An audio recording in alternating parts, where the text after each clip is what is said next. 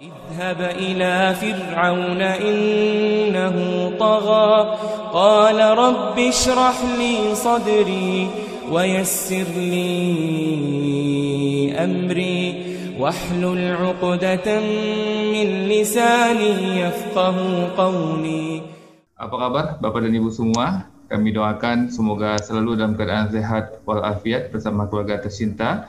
Uh, Alhamdulillah pada malam hari ini pada kajian Talibul Ilmi FKUI 91 kali ini kita akan bersama guru kita Al Ustaz Ahmad Zainuddin dengan tema kajian makna ikhtiar di masa pandemi. Semoga dimudahkan oleh Allah Subhanahu wa taala. Mungkin tanpa memperpanjang mukadimah lagi kepada Ustadz kami persilakan. Assalamualaikum warahmatullahi wabarakatuh. Waalaikumsalam warahmatullahi wabarakatuh. Bismillahirrahmanirrahim.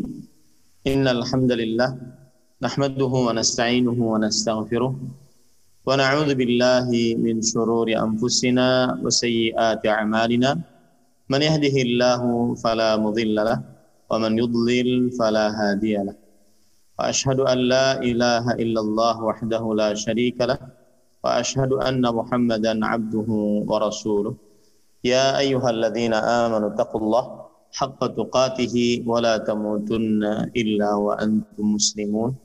يا أيها الناس اتقوا ربكم الذي خلقكم من نفس واحدة وخلق منها زوجها وبث منهما رجالا كثيرا ونساء. واتقوا الله الذي تساءلون به والأرحام. إن الله كان عليكم رقيبا. يا أيها الذين آمنوا اتقوا الله وقولوا قولا سديدا. يصلح لكم أعمالكم ويغفر لكم ذنوبكم.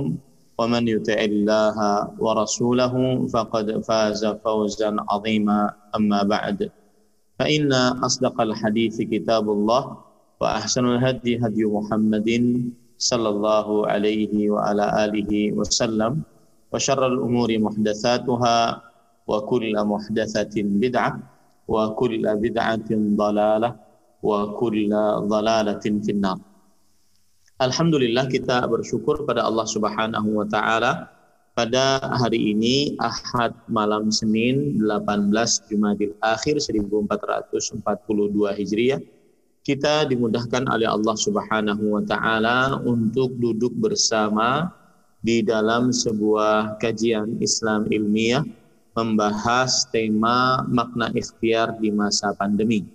Salawat dan salam semoga selalu Allah berikan kepada Nabi kita Muhammad sallallahu alaihi wa ala alihi wasallam pada keluarga beliau, para sahabat serta orang-orang yang mengikuti beliau sampai hari kiamat kelak. Dengan nama-nama Allah yang husna dan sifat-sifat yang mulia kita berdoa, Allahumma inna nas'aluka ilman nafi'an wa rizqan tayyiban wa amalan mutaqabbala. Wahai Allah, sesungguhnya kami mohon kepada Engkau ilmu yang bermanfaat, rezeki yang baik, dan amal yang diterima. Allahumma amin. Ahibati, hafizakumullah, Bapak Ibu, saudara-saudari, kaum muslimin yang saya cintai karena Allah. Semoga Allah Subhanahu wa taala selalu menjaga kita. Pada kesempatan kali ini kita membahas tema makna ikhtiar di masa pandemi.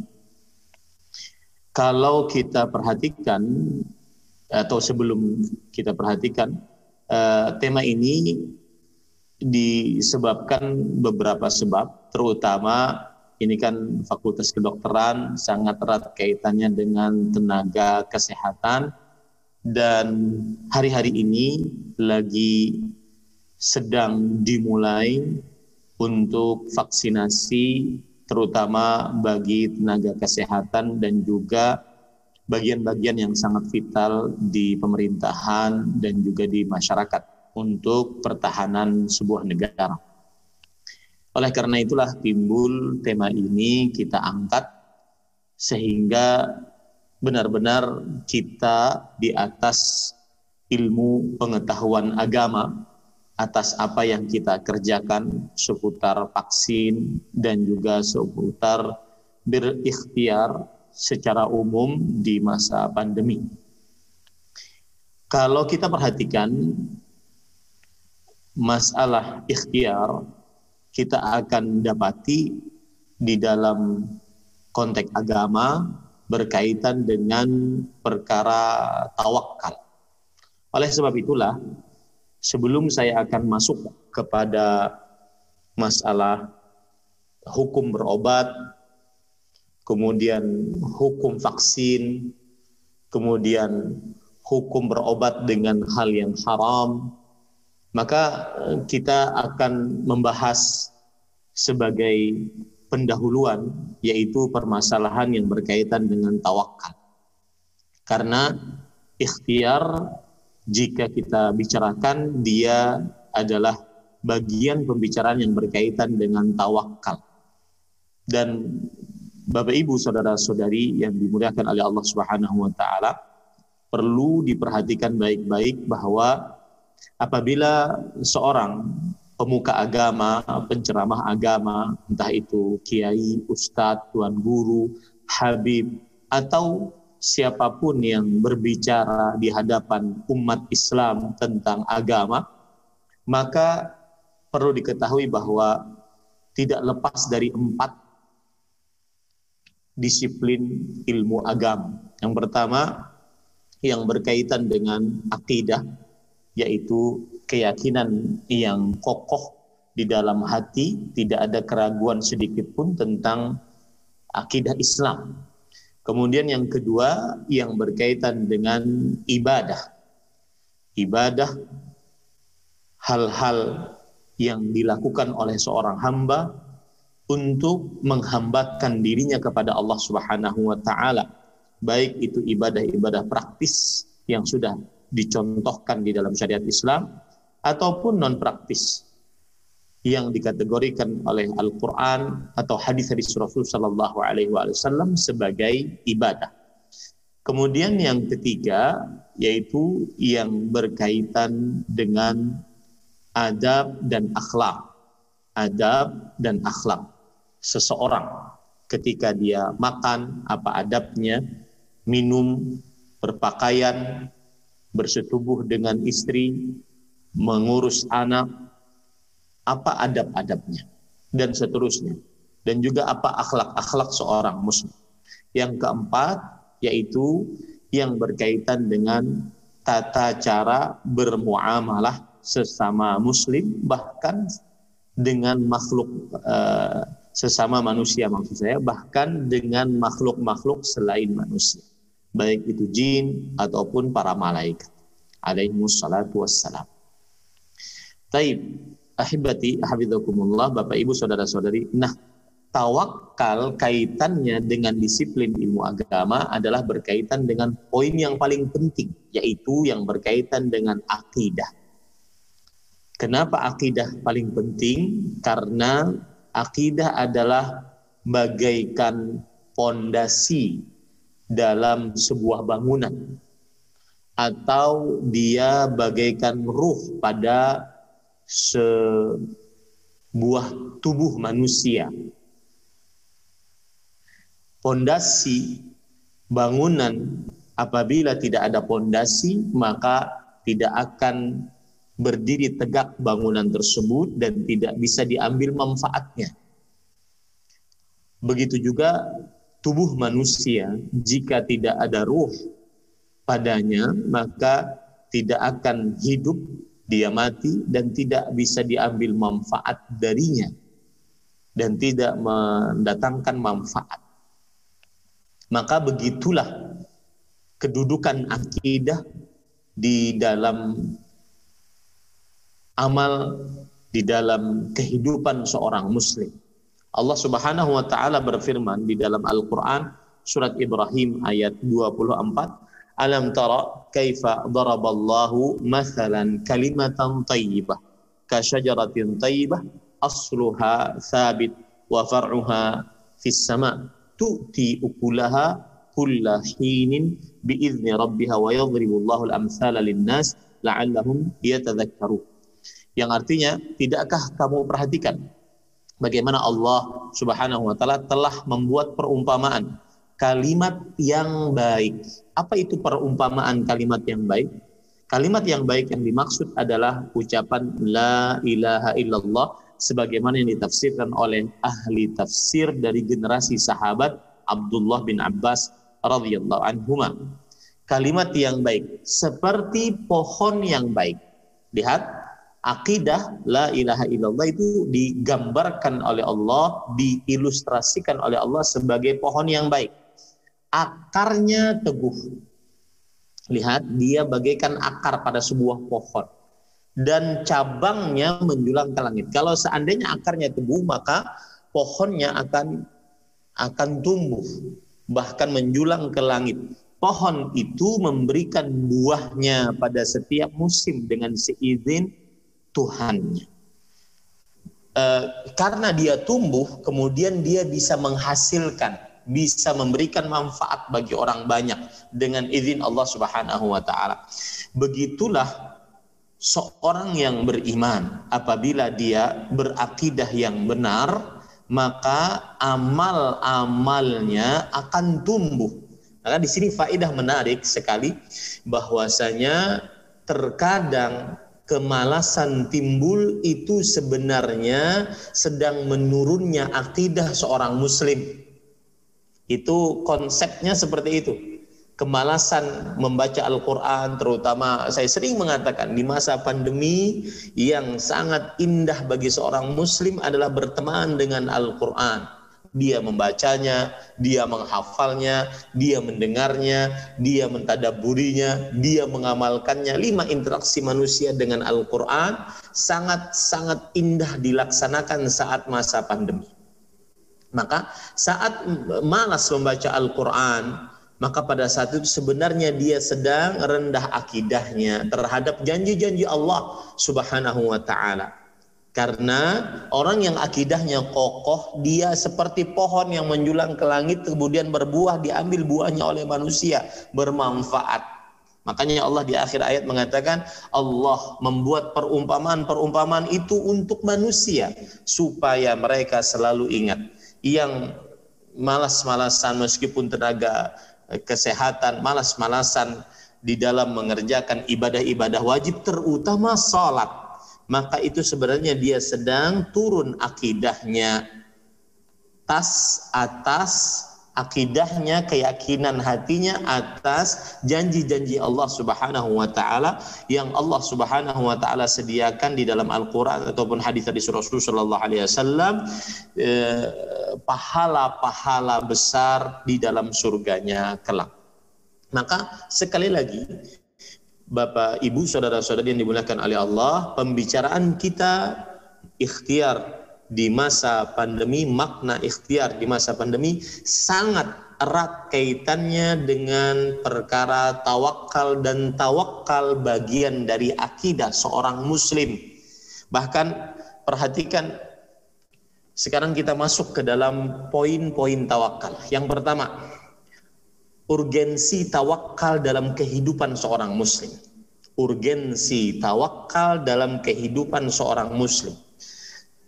Yang pertama, Sa'id bin Jubair rahimahullah. Saya sebutkan dulu urgensi. Urgensinya nanti baru perkataan-perkataan para ulama. Yang pertama, tawakal adalah sumber iman. Tawakal adalah sumber iman. Sebagaimana disebutkan di dalam kitab Musannaf Ibnu Abi Syaibah perkataan seorang imamut tabi'in Sa'id bin Jubair rahimahullah. Imamut tabi'in berarti beliau belajar dengan para sahabat radhiyallahu anhu. Beliau mengatakan at-tawakkulu 'ala Allah jima'ul iman. Bertawakal kepada Allah adalah sumber keimanan. Bertawakal kepada Allah adalah sumber keimanan. Kemudian ada lagi perkataan yang menarik uh, urgensi urgensi tawakal yang kedua adalah tawakal kepada Allah adalah setengah iman. Tawakal kepada Allah adalah setengah iman. Bagaimana itu bisa terjadi? Coba perhatikan. Kita ini ada ayat yang hampir 17 kali sehari semalam kita baca, tetapi kadang-kadang tidak di tidak mewakili hati kita. Artinya tidak ditadaburi dengan baik. Ya, mungkin karena belum faham maknanya dengan baik, belum belajar atau karena karena keseringan diucapkan akhirnya dianggap biasa. Yaitu ayat yang sangat luar biasa, iyyaka na'budu wa iyyaka nasta'in hanya kepadamu kami beribadah itu poin pertama dalam penghambaan diri kita kepada Allah yaitu menegakkan ibadah kepada Allah dari mulai sholat, puasa, zakat, haji, baca Quran, berdoa, berzikir, berbakti pada orang tua, berbuat baik kepada tetangga, berkata-kata baik, beramar ma'ruf, nahi mungkar dan seterusnya. Ya. Kemudian yang kedua, wa iyyaka nasta'in dan hanya kepadamu kami minta pertolongan. Ini ibadah yang tadi tidak akan bisa kita kerjakan tanpa minta tolong. Nah, tawakal setengah dari iman. Bagaimana penjelasannya? Perhatikan sekarang. Perkataan Imam Ibnu Qayyim Al-Jauziyah rahimahullah, ulama Islam abad ke-8 Hijriah, wafat pada tahun 754 Hijriah. Di dalam kitab beliau yang sangat luar biasa, Madarijus Salikin, beliau mengatakan at-tawakkul at-tawakkulu nisfuddin. Yang artinya tawakal itu adalah setengah ajaran agama. Wan nisfu al-inabah dan Setengah yang kedua adalah beribadah kepada Allah Subhanahu wa taala. Fa inna dina isti'anatun wa ibadatun. Sesungguhnya yang namanya beragama Islam ada dua pokoknya. Yang pertama minta tolong kepada Allah agar bisa beribadah. Yang kedua ibadah itu sendiri. Minta tolong kepada Allah agar bisa beribadah dan yang kedua ibadah itu tersendiri. Kemudian beliau mengatakan fat tawakkulu huwal isti'anah wal inabah hiyal ibadah. Artinya tawakal adalah minta tolong kepada Allah. Iyyaka nasta'in. Wal inabah hiyal ibadah dan yang namanya inabah adalah beribadah. Iyyaka na'budu. Ini ahibati Hafizakumullah, Bapak Ibu saudara-saudari yang saya cintai karena Allah Subhanahu wa taala. Itu urgensi yang kedua dari tawakal. Dia adalah setengah ajaran agama. Ini para ikhwah yang dirahmati oleh Allah Subhanahu wa taala. Lihat lagi tawakal urgensinya yang ketiga adalah menumbuhkan tekad yang kokoh di dalam diri terkadang melampaui sebuah batas kemanusiaan tekad tersebut. Makanya akhirnya kadang-kadang ada orang yang dia mengerjakan sesuatu yang mustahil akibat dia bertawakal kepada Allah dia sanggup untuk mengerjakan itu. Mustahil dalam kadar manusia, dalam logika manusia, tetapi tidak ada yang mustahil dalam kuasa Allah Jalla fi'ula. Lihat perhatikan perkataan yang menarik lagi dari Imam Ibnu Qayyim Al-Jauziyah rahimahullah. Beliau mengatakan, "Walau tawakkala al-'abdu 'ala Allah haqqa tawakkulih fi izalati jabal min makani wa kana ma'muran bi izalatihi la azalah." Subhanallah. Jikalau seorang hamba bertawakal kepada Allah dengan sebenar-benar tawakal, dalam perkara menghilangkan gunung dari tempatnya dan perkara tersebut diperintahkan oleh Allah maka niscaya dia akan bisa menghilangkannya. Apa maksudnya di sini? Tentunya menghilangkan gunung tidak mungkin bagi seorang manusia. Akan tetapi itu menunjukkan sesuatu perkara yang mustahil kadang-kadang dalam kadar atau kapasitas berpikir manusia secara umum tetapi dengan tawakal kepada Allah maka yang dianggap mustahil dapat dikerjakan oleh manusia ini ahibati hafizakumullah taala sekarang apa makna tawakal itu poin yang pertama tadi urgensi tawakal yang pertama yaitu tawakal adalah sumber iman. Yang kedua, tawakal adalah setengah ajaran Islam. Yang ketiga, tawakal menumbuhkan tekad yang kokoh. Seorang nakes, saya pernah dicurhati, Ustadz gimana ya, saya ingin kerja tapi ada tanggungan di rumah, ada anak, ada suami, Ya, kalau dokternya laki-laki atau tenaga kerja, tenaga kesehatannya laki-laki, ada istri, ada anak sedang sekarang sedang lagi rame-ramenya, lagi senang-senangnya kita, takut Ustadz masuk ke sana kerja kena Covid nanti kepikiran macam-macam. Maka ahibati hafizakumullah dengan tawakal kepada Allah Subhanahu wa taala perkara-perkara yang dianggap buruk niscaya akan hilang. Lihat perkataan seorang sahabat Nabi, ahli tafsir. Bahkan beliau menantang, siapa yang lebih paham tentang tafsir dibandingkan aku, yang aku bisa mendatanginya dengan onta ke sana, aku akan datangi dia sehingga dia tahu bahwasanya aku lebih tak paham tentang tafsir dibandingkan dia. Ini bukan sombong, akan tetapi menampakkan sewajarnya agar orang belajar kepada beliau. Yaitu Abdullah bin Mas'ud radhiyallahu anhu. Beliau mengatakan, "Wa ma minna illa walakinna Allah yudhibuhu bitawakkul." Ini yang setiap hari mungkin sedang bekerja setiap hari dirundung perasaan tidak nyaman, perasaan tidak tenang, kata Abdullah bin Mas'ud radhiyallahu anhu. Ingat ya Ibu, Bapak Ibu sedikit menyimpang. Saya berbicara seperti ini, ya. Saya berbicara seperti ini bukan ahli tawakal. Ya, bukan ahli tawakal. Tetapi ini adalah uh, penyampaian ilmu. Adapun mempraktekkan pada diri sendiri ini sangat susah sangat sulit. Saya bukan ahli tawakal, tapi kita berusaha. Mudah-mudahan dengan mempelajari ini kita bisa bertawakal. Dalam artian apa? Saya pun sering merasakan yang tidak nyaman. Lihat beliau mengatakan wa minna, tidak ada di antara kita kecuali ada perasaan merasa bernasib buruk, merasa bernasib siap. Bitawakkul tetapi Allah menghilangkannya dengan cara bertawakal. Itu tiga urgensi minimal, bukan paling, eh, bukan semuanya, tetapi minimal itu salah satu dari uh, pentingnya tawakal. Baik. Sekarang apa sih tawakal? Secara etimologi. Tawakal ada berbagai macam makna. Disebutkan di dalam kamus besar bahasa Arab yang ditulis oleh oleh Imam Ibnu Manzur dalam kitabnya Lisanul Arab. Beliau mengatakan tawakal yang pertama adalah istaslama ilaih. Berserah diri kepadanya. Seorang bertawakal secara bahasa adalah dia berserah diri kepadanya. Yang kedua, idza dhaminal qiyama bihi Artinya jika dia menggabungkan dirinya dengannya.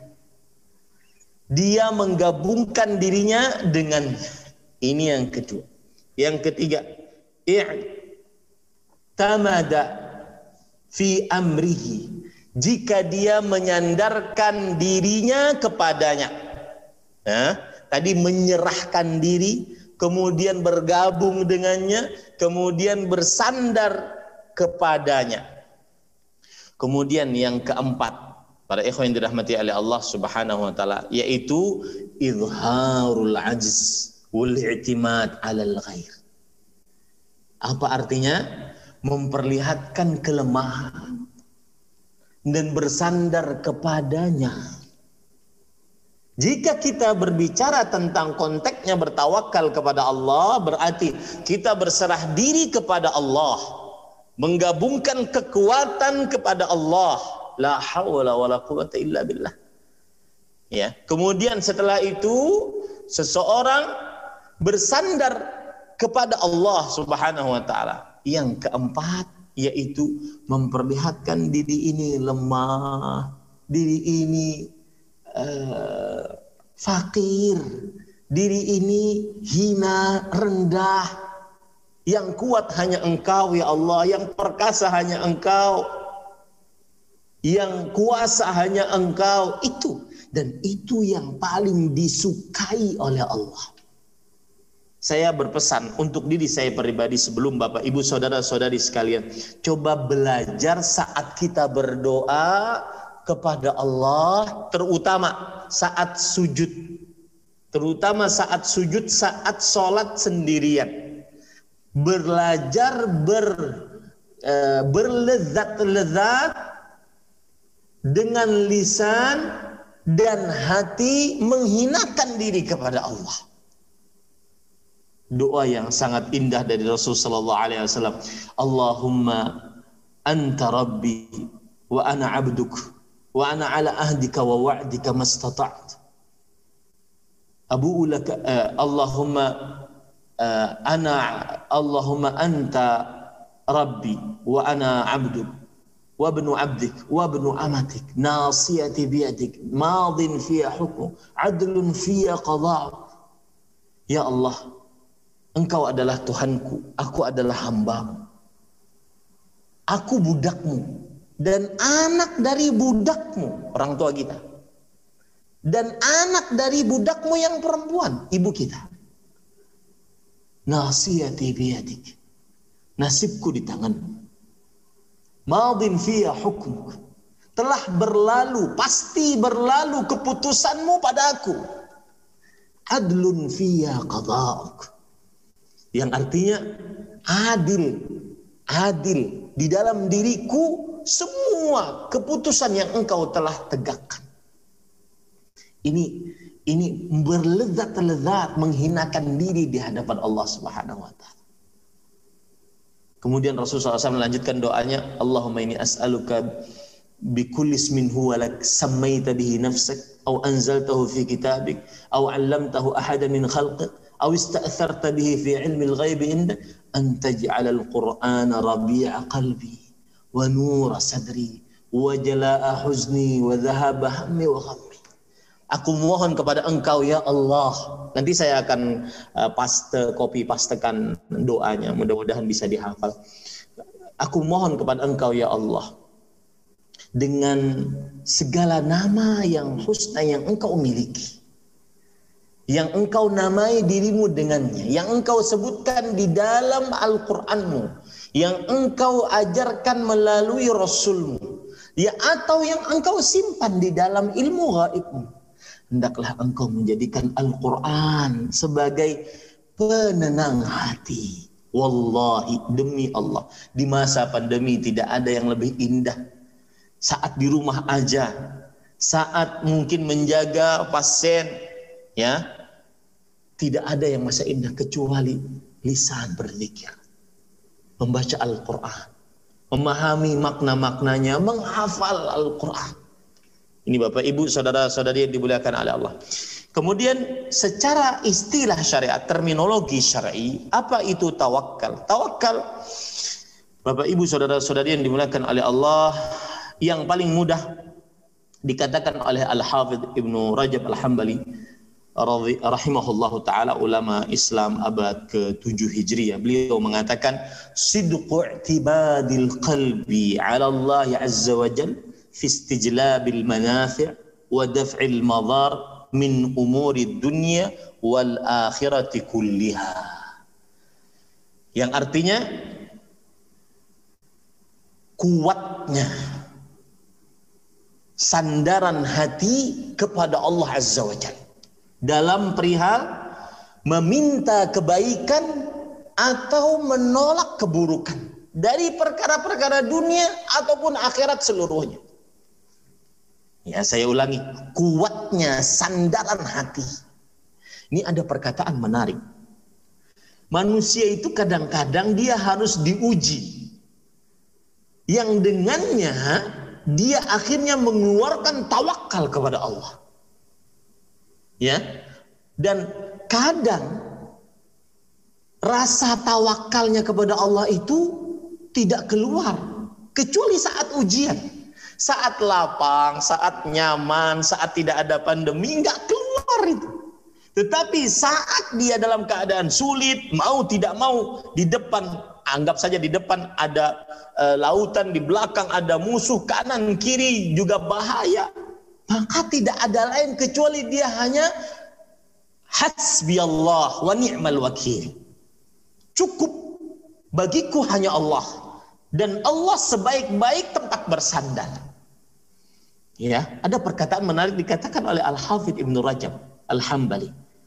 Ini terutama bagi kawan-kawan tenaga kesehatan yang akhirnya dengan takdir Allah mudah-mudahan kita dijauhkan terpapar COVID-19 dan semoga disembuhkan oleh Allah Subhanahu wa taala dan yang meninggal dengan izin Allah kita berharap mereka adalah orang-orang yang mati syahid karena Allah Subhanahu wa taala. Uh, kadang sulit lihat perkataan Al-Hafidh Ibn Rajab. Beliau mengatakan, Innal karba, sesungguhnya kesulitan, idha shtad, jika semakin sulit, watanaha, semakin memuncak, wata'azam, semakin membesar, fahasala lil abdi al-iyas, an kashfihi min jihatin makhluqin. Saat itulah ini ini yang kadang-kadang kita hilang dari diri kita. Kita nggak dapat dalam keadaan nyaman sehat uh, aman nggak ada pandemi nggak dapat perasaan ini. Fahasala lil abdi al iyas. Maka saat itu terjadi pada seorang hamba putus asa. Putus asa untuk apa? An kashfihi min makhluqin putus asa untuk minta bantuan kepada makhluk. Sudahlah, kawan tidak bisa bantu, dokter paling hebat nggak bisa bantu. Fahasal lil abdi al-iyas an kashfih min jahati makhluqin. Dia berputus asa minta tolong jadi seluruh makhluk. Saat itu yang ingin kita capai di masa-masa seperti ini Lalu apa yang terjadi? Fata'allaqa qalbuhu billahi wahda. Maka kalau sudah putus asa dari minta bantuan kepada makhluk, maka bergantunglah hatinya hanya kepada Allah Jalla fi'ula. Hanya kepada Allah Jalla fi'ula. Bergantunglah hatinya. Maka apa yang terjadi kalau sudah bergantung hatinya hanya kepada Allah? Wa man yatawakkal 'ala Allah fa huwa hasbuh. Siapa yang bertawakal kepada Allah, bergantung hatinya kepada Allah, maka Allah sebagai pencukupnya. Kalau sudah Allah sebagai pencukupnya, kafa, maka cukup baginya. Cukup baginya. Hasbakallah.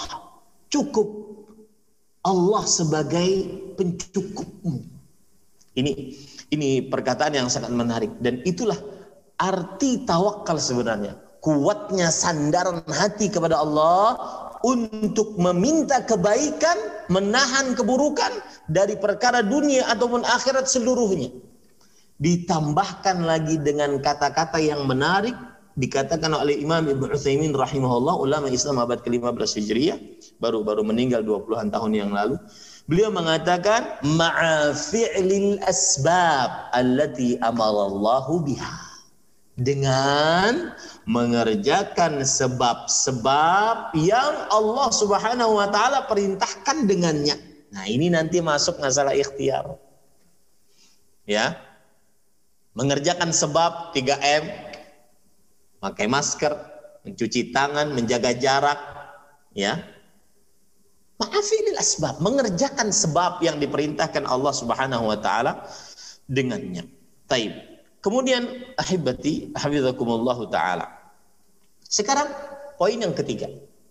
Urgensi tawakal sudah, pengertian tawakal sudah, kemudian poin yang ketiga.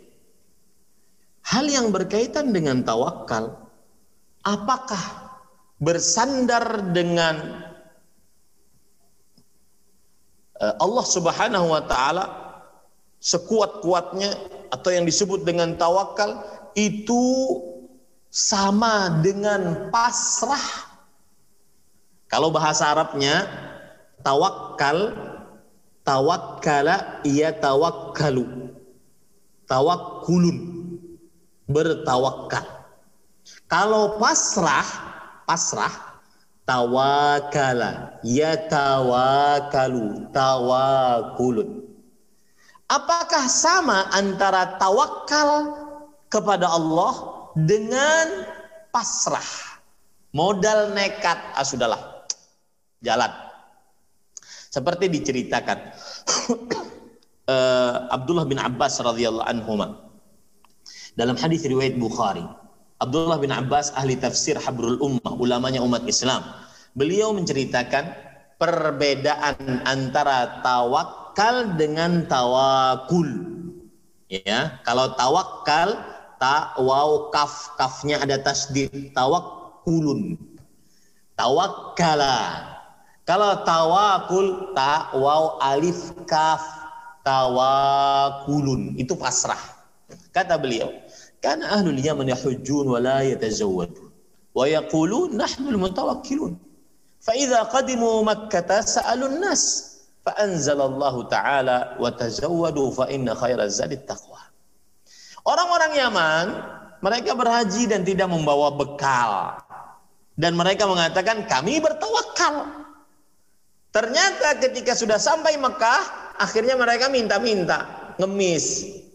Nah, maka Allah menurunkan ayat Al-Baqarah 197 wa tazawwadu berbekallah kalian ketika ingin menunaikan ibadah haji fa inna khairaz taqwa sesungguhnya sebaik-baik bekal adalah adalah apa? adalah takwa. Maka harus tawakal bukan pasrah. Tawakal dengan mengerjakan sebab yang diperintahkan oleh Allah Subhanahu wa taala. Nanti kita masuk kepada masalah bagaimana vaksinasi dengan uh, apa namanya Sinovac dengan Moderna dengan macam-macam uh, yang kita bicarakan nanti.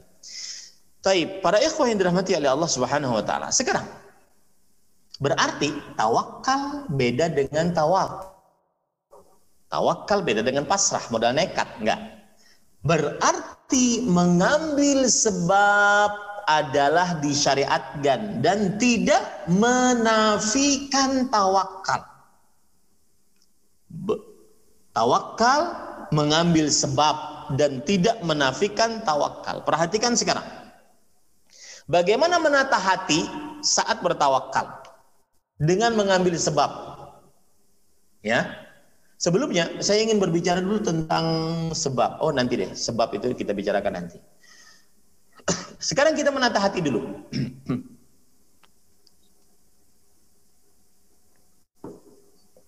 Beliau mengatakan, Imam Ibn Qayyim Al-Jauziyah rahimahullah dalam kitab beliau Al-Fawaid, beliau mengatakan, "Sirrut tawakkuli wa haqiqatuhu huwa."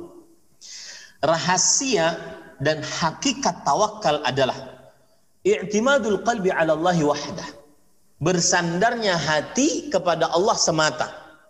Fala yadurruhu maka tidak membahayakannya mubasyaratul asbab langsung mengerjakan sebab tawakal tidak me menafikan pengerjaan sebab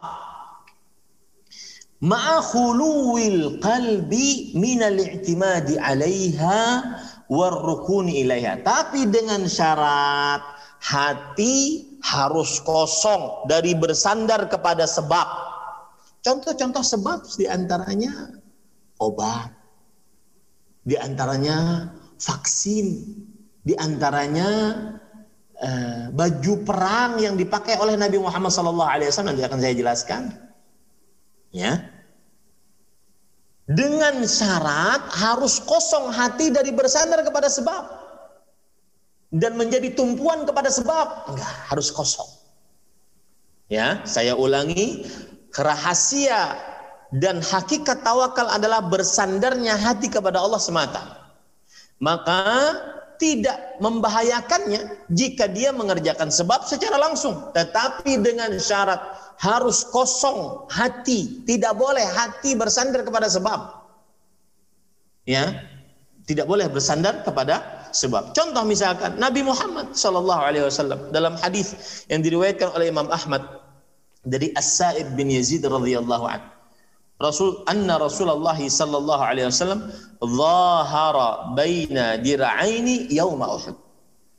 Rasulullah SAW memakai dua lapis baju perang. Bukankah beliau sayyidul mutawakkili? Pemimpinnya orang-orang yang bertawakal. Dua lapis baju perang. Ini sudah ini sudah isyarat sebenarnya vaksin itu. Ya. Dua lapis baju perang. Ini dua kali kan, ada dua periode kan vaksin kalau saya baca berita baca-baca itu.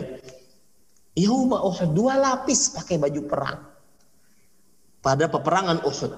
Lihat lagi dalam hadis riwayat Imam uh, Imam Ibn Hibban walabisa la'matahu sallallahu alaihi wasallam dan beliau memakai lakmah. Lakmah itu uh, penutup apa Eh, lengan perang kaki juga kemudian beliau di dalam hadis riwayat Bukhari dari Anas bin Malik radhiyallahu an beliau bercerita anna Rasulullah sallallahu alaihi wasallam dakhala Makkah yaum al-fath wa ala wa ala ra'si al-mighfar Rasulullah sallallahu alaihi wasallam beliau masuk kota Mekah pada hari penaklukan kota Mekah pada tahun ke-7 Hijriah. Dan di beliau memakai pada kepala beliau al-mighfar, penutup per, kepala, penutup perang kepala. Penutup pa, kepala untuk berperang. Padahal bukankah Allah telah menurunkan ayat inna fatahna laka fatham mubina. Sesungguhnya kami telah uh, takluk uh, berikan kepada engkau kemenangan dengan kemenangan yang nyata. Tetapi masih beliau memakai, masih beliau mengambil sebab dan para ikhwah yang dirahmati oleh Allah Subhanahu wa taala sebab inilah yang kadang membuat hati lebih yakin saat bertawakal. Saya ulangi, sebab inilah yang kadang membuat hati lebih yakin saat bertawakal. Lihat sekarang bagaimana pengambilan sebab dibarengi dengan keyakinan. Dalam hadis riwayat Imam Tirmidzi dari Umar bin Khattab radhiyallahu anhu, Rasul sallallahu alaihi wasallam bersabda, "Lau annakum tawakkaluna 'ala Allah haqqa tawakkul, la razaqakum kama yarzuqu at-tayra taghdu khimasan wa taruhu bithanan." Jikalau kalian ini terutama hadis ini sebelum saya artikan hadis ini sangat indah terutama di masa-masa sulit seperti sekarang pandemi Covid-19 sulit sulit pendidikan, sulit ekonomi, sulit bernafas di, di balik masker, sulit bergerak, sulit, sulit pokoknya. Lihat, terutama masalah ekonomi ini. Lau annakum tawakkaluna ala Allah. Jikalau kalian bertawakal kepada Allah dengan sebenar-benar tawakal. Di sini ada perkara menarik. Kuntum tawakkalun. Kuntum tawakkalun kana fi'il madhin naqis pasten yang kurang. Apabila setelahnya fi'il mudhari ya dulu al istimrar. Setelahnya kata present tense maka itu menunjukkan kepada langsung dan terus menerus jikalau kalian terus menerus bertawakal kepada Allah dengan sebenar-benar tawakal. Lihat harus terus menerus nggak boleh hanya sesaat tidak terus menerus dengan sebenar-benar tawakal. Bagaimana sebenar-benar tawakal? Nanti kita akan ceritakan.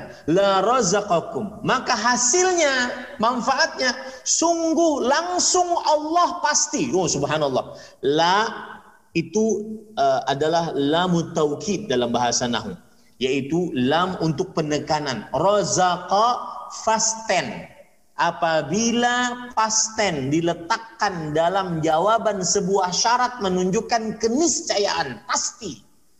La razaqakum. Sungguh pasti Allah akan memberikan rezeki kepada kalian. Sebagaimana burung memberikan rezeki, eh, Allah memberikan rezeki kepada burung. Tapi dengan syarat tagdu khimasan keluar dulu di pagi hari. Dalam keadaan perut kosong kemudian keluar Eh, pulang dalam keadaan di sore hari dalam keadaan perut eh, sudah terisi bahkan bawa bekal untuk anak-anaknya yang di sarangnya. Coba perhatikan hadis ini baik-baik. Indahnya Rasul Shallallahu Alaihi Wasallam ketika menganalogikan seekor burung dengan orang yang mencari rezeki dari manusia. Burung apa keadaannya? Bagaimana keadaannya? Cuma punya satu paruh, dua kaki. Makanannya terbatas. Biji-bijian ulat-ulatan. Bedakan dengan manusia. Tetapi dengan begitu dia benar-benar bertawakal. Keluar.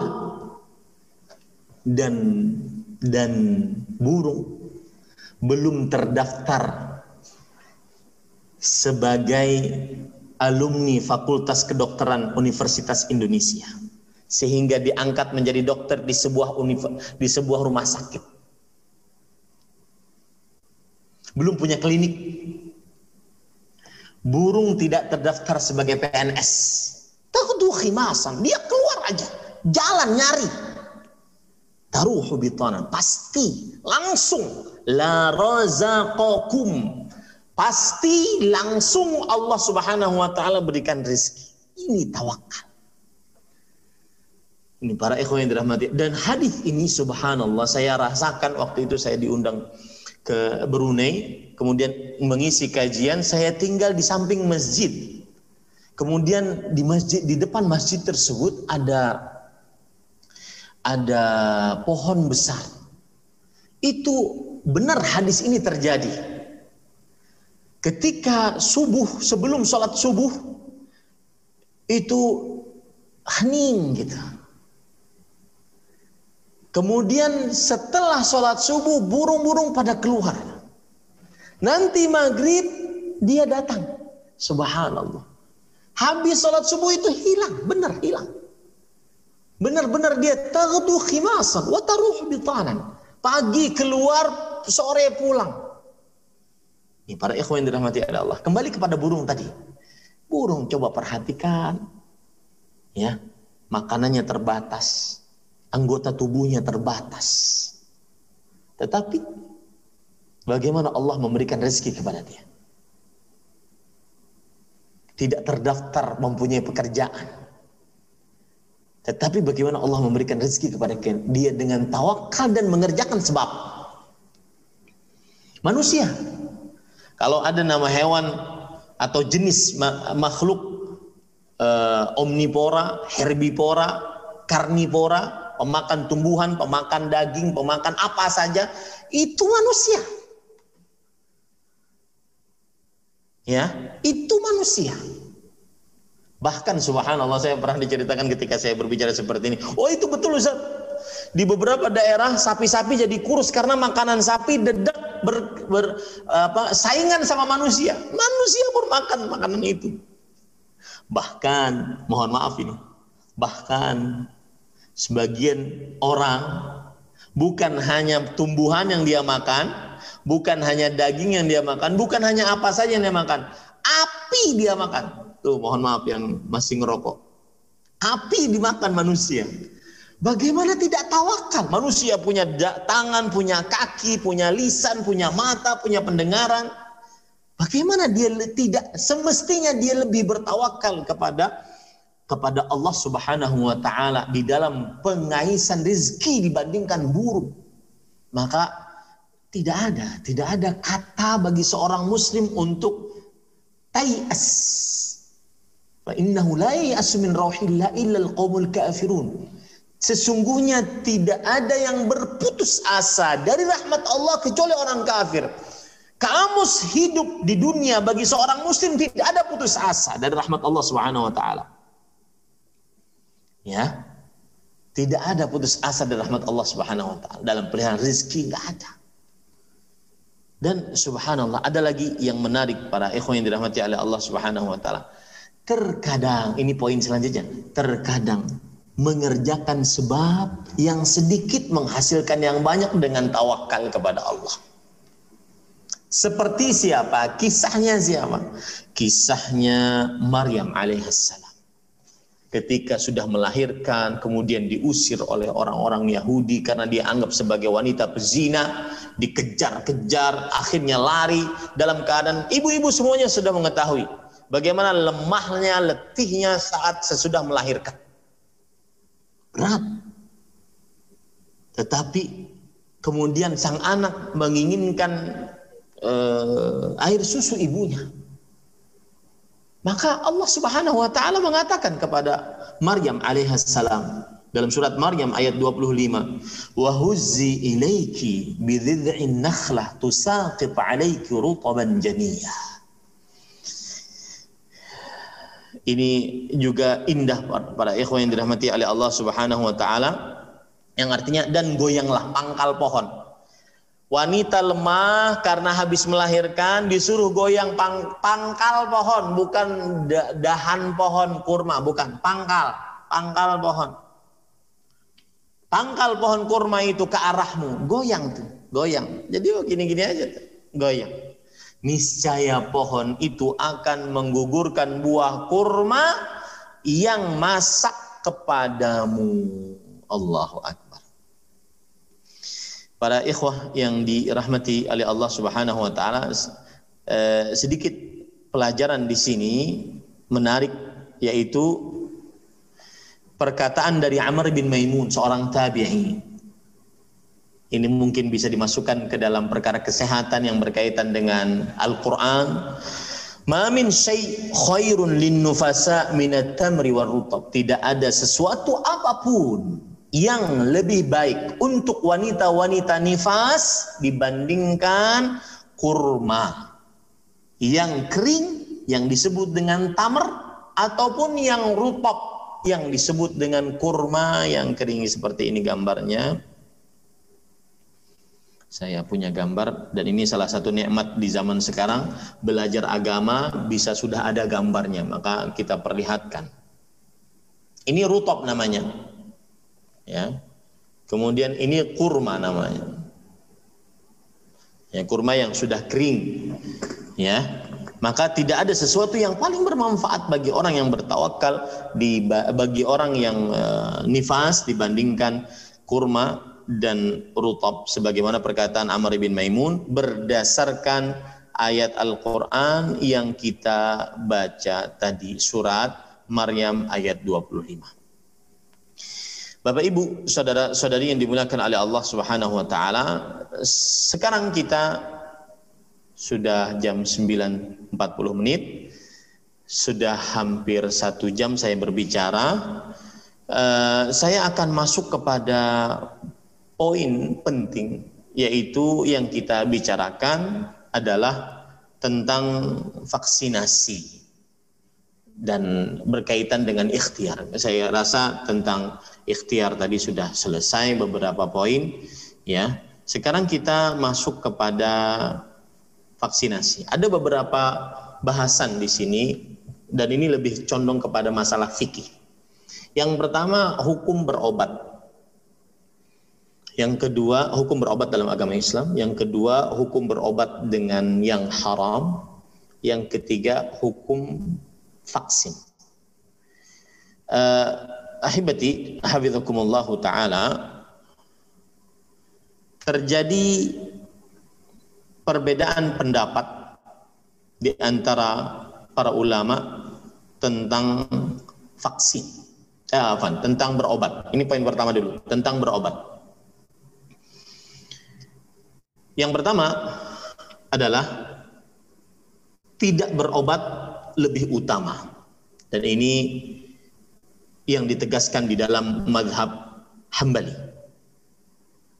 bahwa Imam Ahmad rahimahullah taala berkata uhibbu liman i'taqada tawakkula wa salaka hadha at-tariqa taraka tadawiya min syurbid dawa wa ghairihi Artinya, aku lebih suka bagi siapa yang meyakini tawakal dan menjalani jalan tawakal, meninggalkan berobat. Ya. Dan tidak meminum obat. Ya. Ini para ikhwan yang dirahmati oleh Allah Subhanahu wa taala. Kemudian juga Imam Al-Marwazi mengatakan al-ilaju rukhsah wa tarkuhu darajatun a'la minhu. Wa binahwihi hadha wa binahwi hadha qala an-Nawawi. Yang artinya berobat sebuah keringanan. Meninggalkan berobat adalah derajat yang lebih tinggi darinya. Dan dengan pendapat seperti ini adalah yang dikatakan oleh Imam An-Nawawi rahimahullahu taala. Mereka memiliki sebab.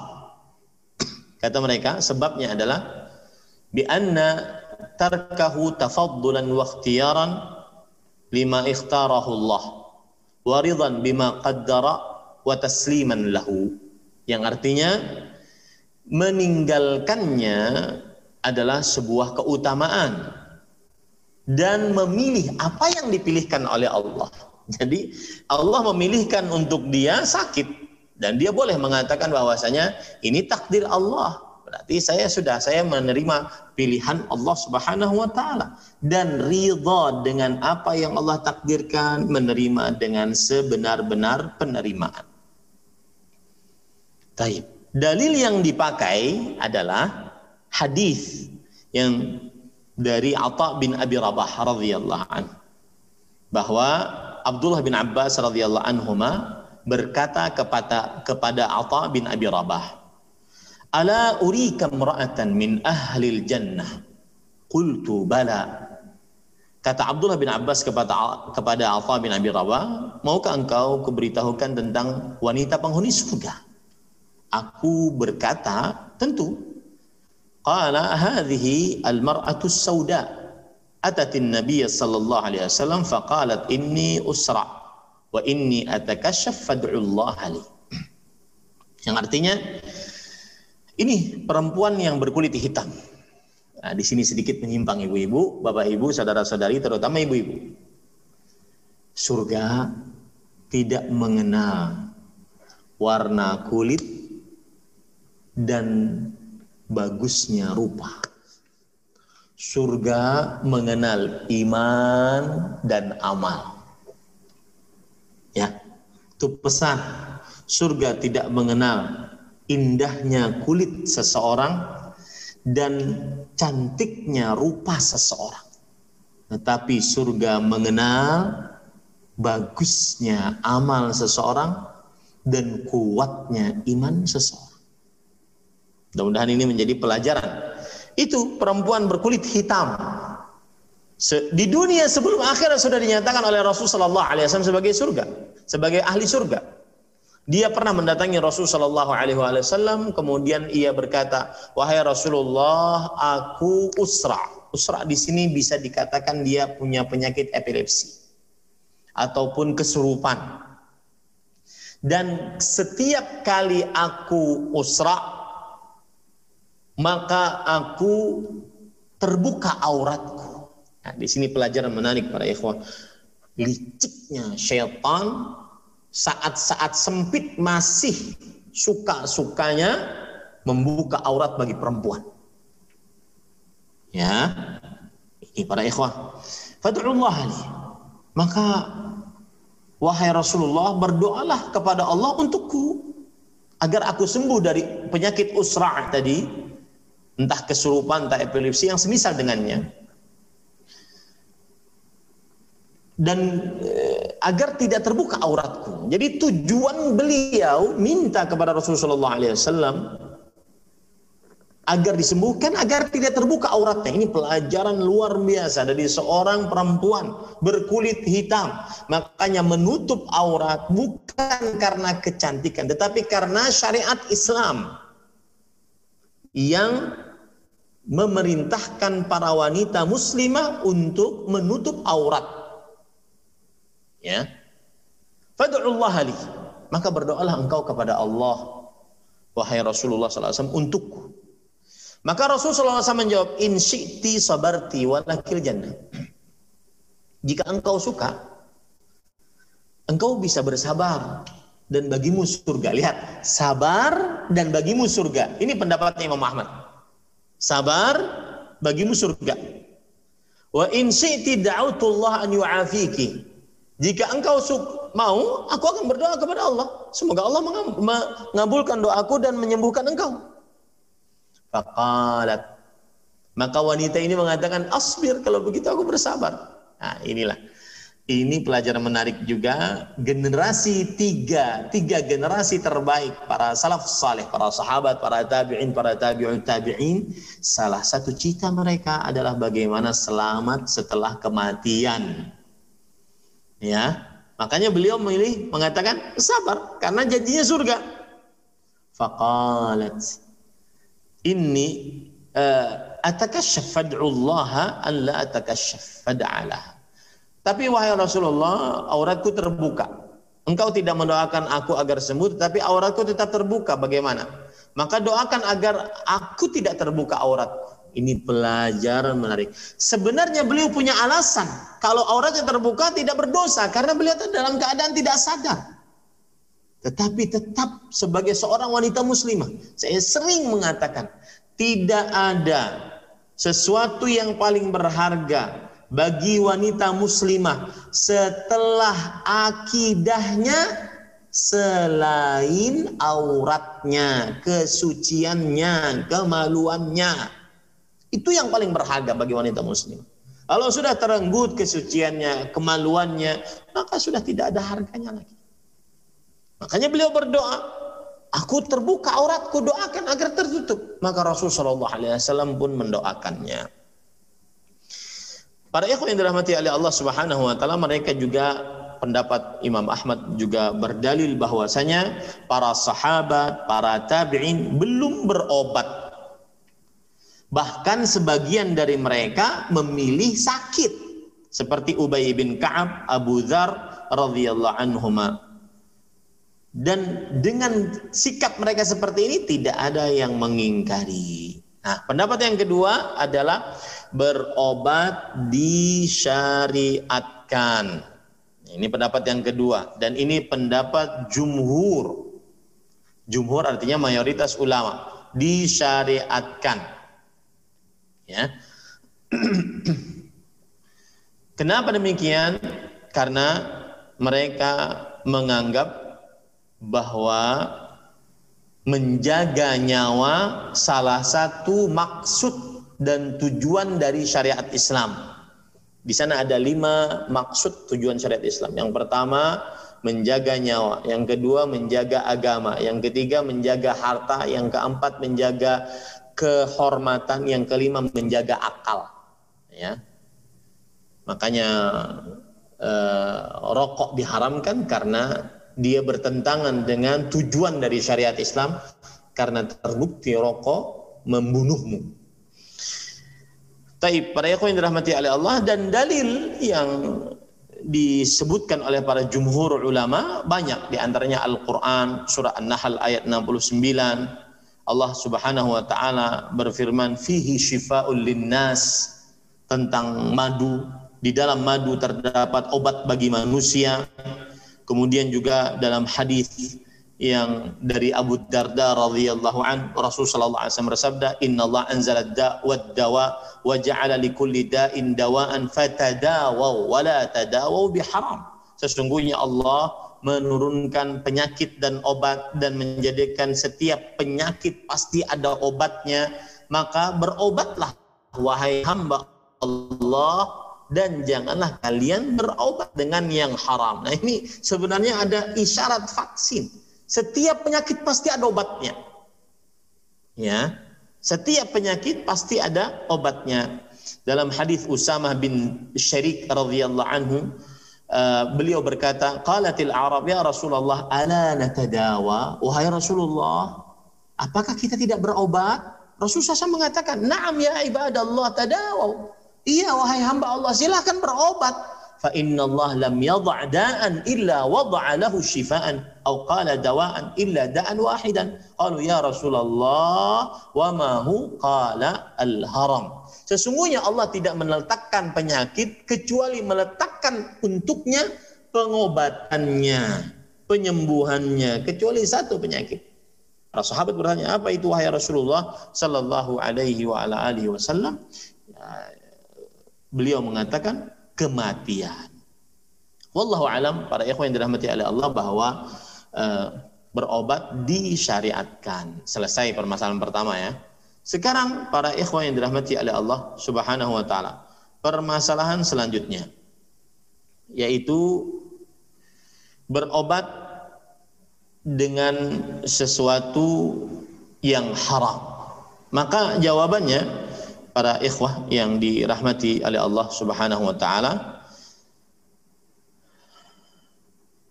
berobat dengan sesuatu yang haram diharamkan. Diharamkan. Karena Rasulullah SAW tadi bersabda, "Wala tadawau biharam." Janganlah kalian berobat dengan sesuatu yang haram. Ya. Dengan sesuatu yang haram. Dan Allah tidak menjadikan pengobatan pada sesuatu yang diharamkan oleh Allah Subhanahu wa taala. Allah tidak menjadikan pengobatan pada sesuatu yang diharamkan oleh Allah Subhanahu wa taala. Nah, sekarang masuk kepada poin yang ketiga, yaitu adalah hukum vaksin. Maka para ikhwan yang dirahmati oleh Allah Subhanahu wa taala hukum vaksin kita lihat dari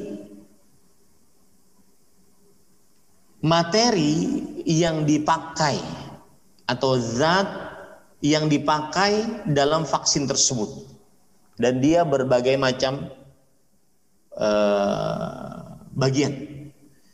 Bagian yang pertama yaitu apabila vaksin tersebut dari bahan-bahan yang mubah untuk dipakai dan dikonsumsi dan dia memiliki bekas yang bermanfaat. Maka ini tidak diragukan lagi bahwasanya dia diperbolehkan dengan dalil Allah Subhanahu wa taala berfirman dalam Al-Qur'an yaitu surat Al-Baqarah ayat 168 ya ayuhan nas kulu mimma fil ardi halalan tayyiban Wahai manusia, makanlah yang halal dan baik. Di situ ada dua poin penting. Halal, kemudian baik.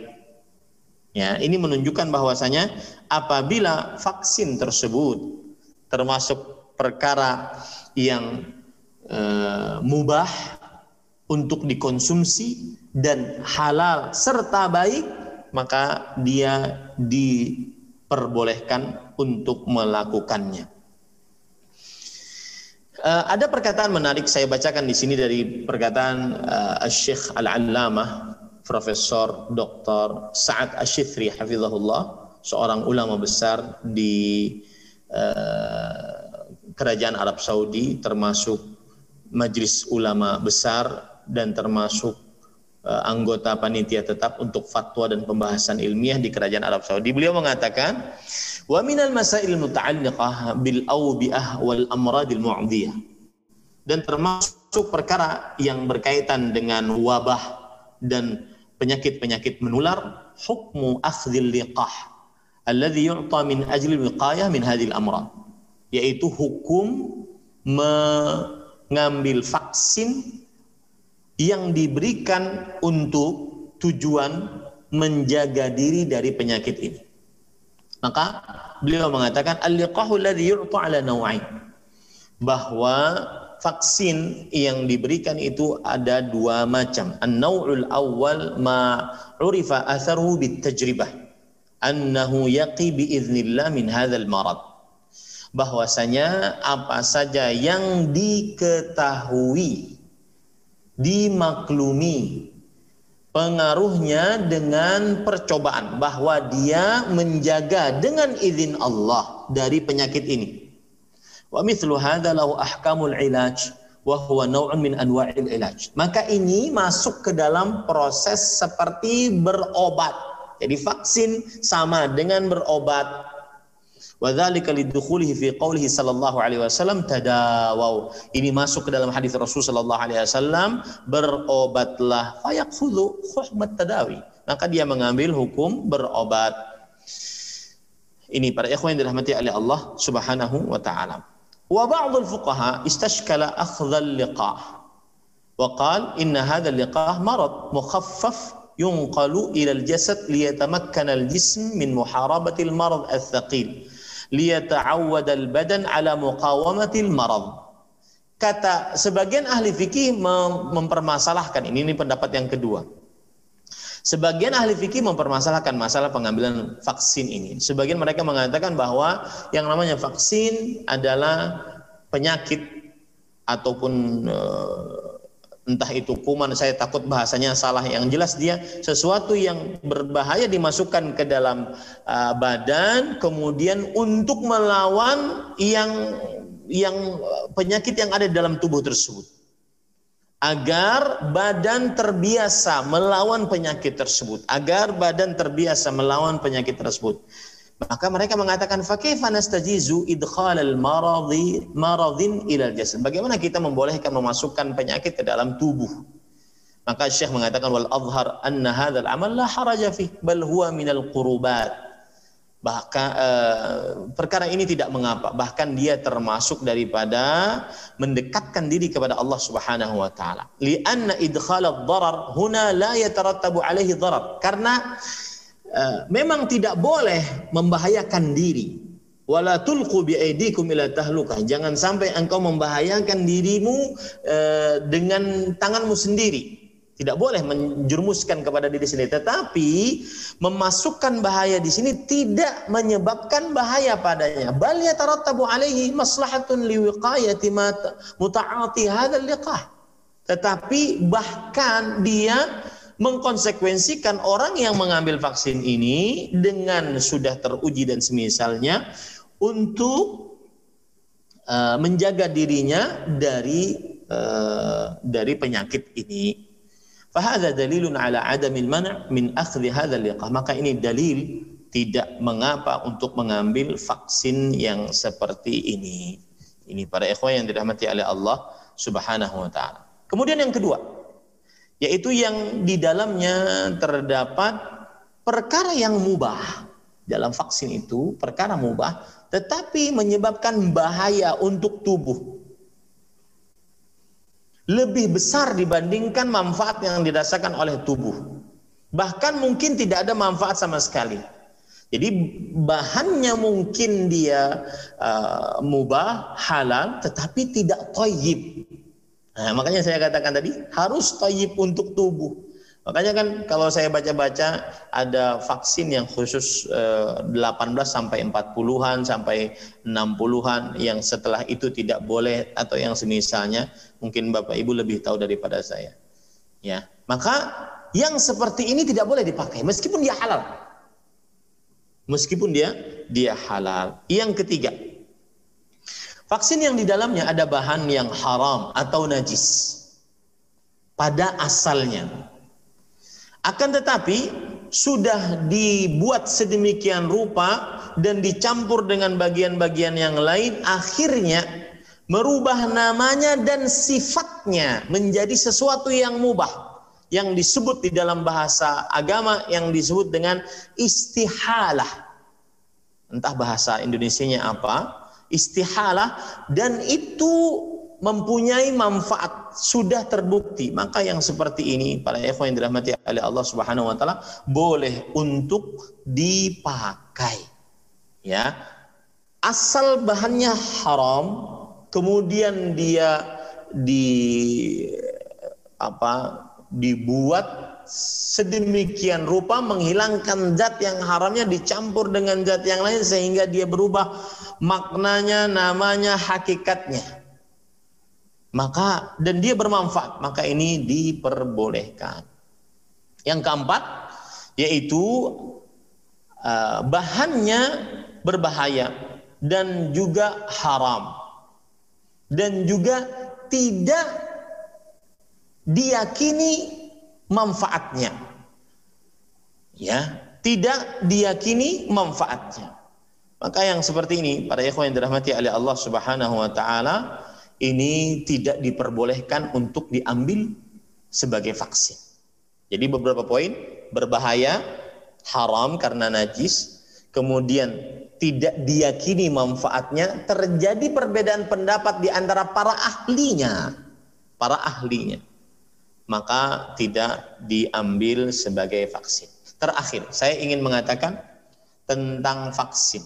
Yang pertama yaitu kembalikan permasalahan ini kepada ahlinya.